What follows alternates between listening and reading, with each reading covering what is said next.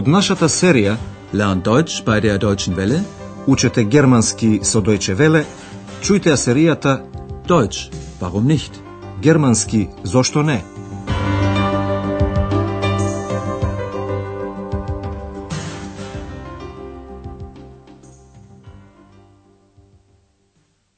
Liebe Hörerinnen und Hörer. Добар ден, почитувани слушателки и слушатели. На ред 26-та лекција и последна во првата серија под наслов Јас ве поканувам. Их ладе зи аен. Дали се сеќавате за пицеријата каде што седеа Андреас, Екс и господја Бергер? Стануваше збор за плаќање. Најпрвин господја Бергер ги плати салатата, рибата и минералната вода – Обрнете внимание на членот за машки род во акузатив, имено ден. Ich bezahle den Salat, den Fisch und das Mineralwasser. И откако Андреас сакаше да го плати рестото, забележа дека му го нема портмонето. Ich finde meinen Geldbeutel nicht.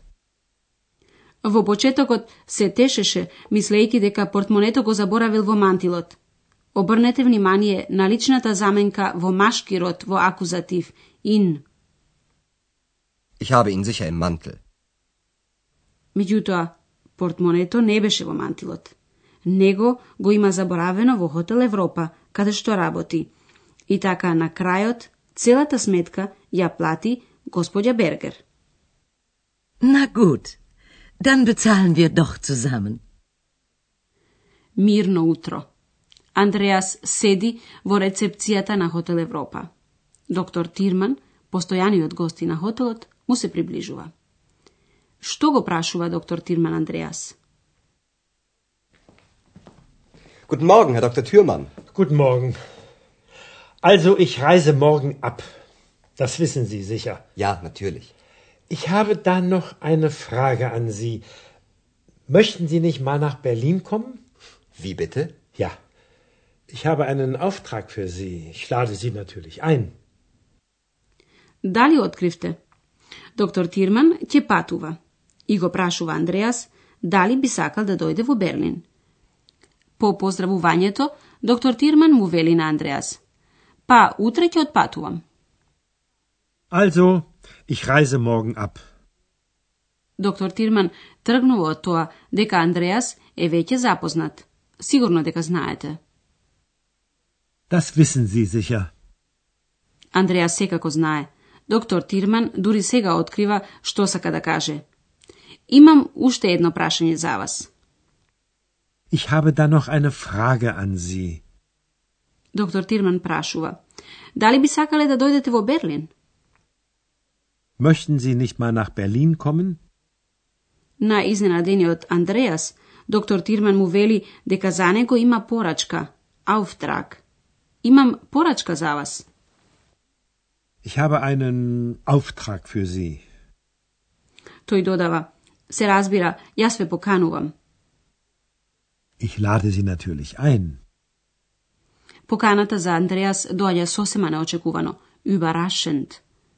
Истото му го кажува и на доктор Тирман во наредниот диалог, а освен тоа прашува за каква порачка станува збор.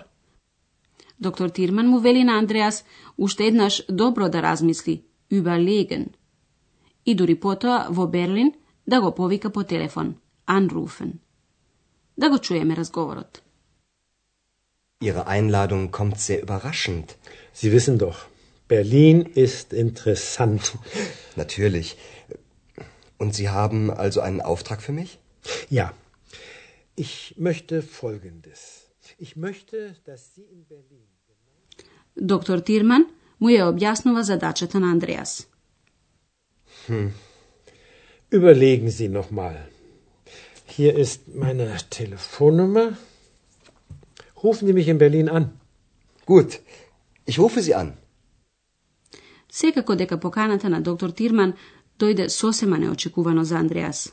Тој вели, вашата покана доаѓа сосема неочекувано. Ihre Einladung kommt sehr überraschend. Тоа го знае и доктор Тирман и додава. Берлин е интересен. Berlin ist interessant. Тоа го знае и Андреас, меѓутоа тој е повеќе заинтересиран за порачката на доктор Тирман. Вие значи имате порачка за мене. Und Sie haben also einen Auftrag für mich? Доктор Тирман му ја кажува порачката на Андреас. Бидејќи тоа траеше нешто подолго време, содржината ќе ви објасниме нешто подоцна. Бидејќи Андреас е нерешителен, доктор Тирман додава. Размислете уште еднаш. Überlegen Sie noch mal. Тој му го дава на Андреас неговиот телефонски број. Телефон нума. Hier ist meine Telefonnummer. Тој бара од Андреас да му се јави во Берлин. Јавете ми се во Берлин.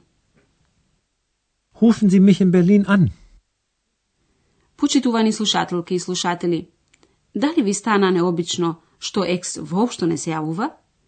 Се чини дека изгледите за патување му се допаѓаат. Тој би сакал со задоволство да дојде со него, Миткомен, иако Андреас се уште не знае дали ќе патува. На што екс го подсетува Андреас? Ich komme mit. Du möchtest mitkommen? Ja, bitte. Bitte. Mal sehen. Weißt du noch? Interessant. Sehr interessant. Stimmt.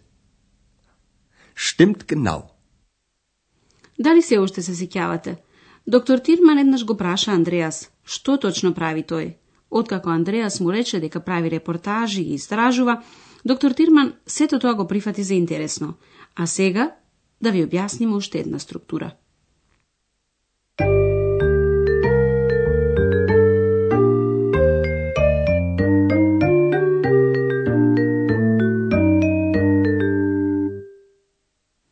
Во германскиот јазик има глаголи кои се деливи. Поточно речено, дел од глаголот, така наречениот глаголски додаток, оди на крајот на реченицата. Двата дела се споени во инфинитив. Се нагласува првиот слог. Mitkommen. Mitkommen. Да чуеме некои примери. Најпрвин ќе го чуете глаголот во инфинитив, а потоа во реченица. Почнуваме со отпатува. Abreisen. Abreisen. Ich reise morgen ab. А сега глаголот поканува. Einladen. Einladen. Ich lade Sie ein.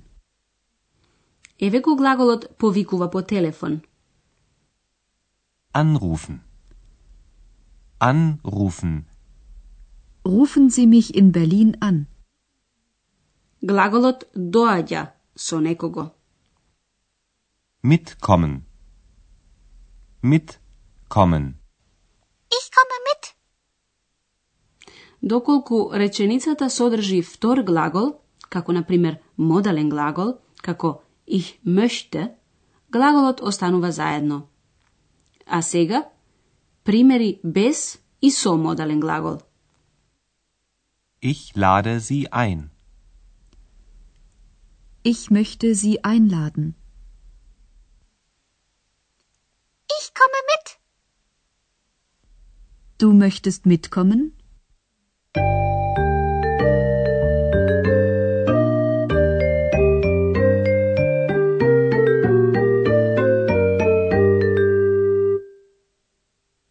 Да ги чуеме диалозите уште еднаш.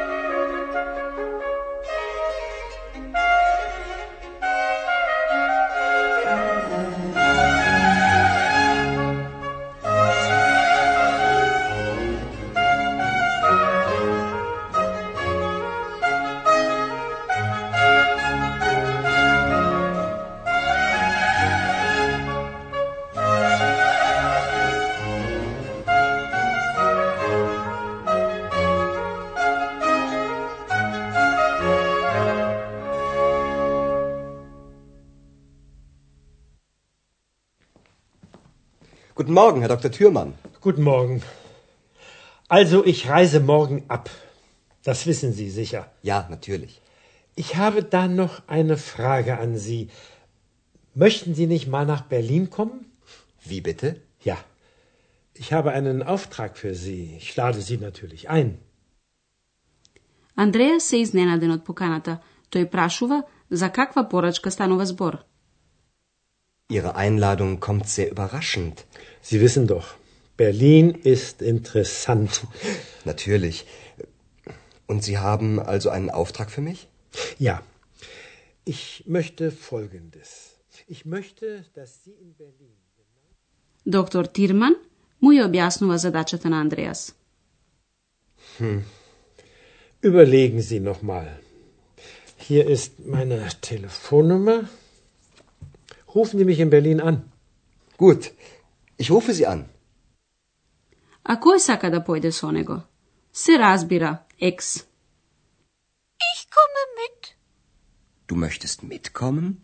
Ja, bitte, bitte. Mal sehen. Weißt du noch? Interessant, sehr interessant. Stimmt. Stimmt genau. Доктор Тирман уште тогаш имаше нешто наум со Андреас. Ете така, почитувани слушателки и слушатели. Првата серија од радиокурсот Германски, зошто не, заврши. Се надеваме со нестрпливост ќе очекувате и втората серија, во која ќе чуете повеќе за Хотел Европа во Ахен. Секако дека тогаш ќе чуете за порачката на доктор Тирман до Андреас. Се разбира, ако Андреас навистина патува за Берлин. Само стрпливост. До тогаш, до слушање. Може би со новости од Берлин. Auf Wiederhören. Тоа беше германски «Зошто не?» радиоговорен курс на Херат Мезе во продукција на Дојче Веле и на Гетовиот институт од Минхен.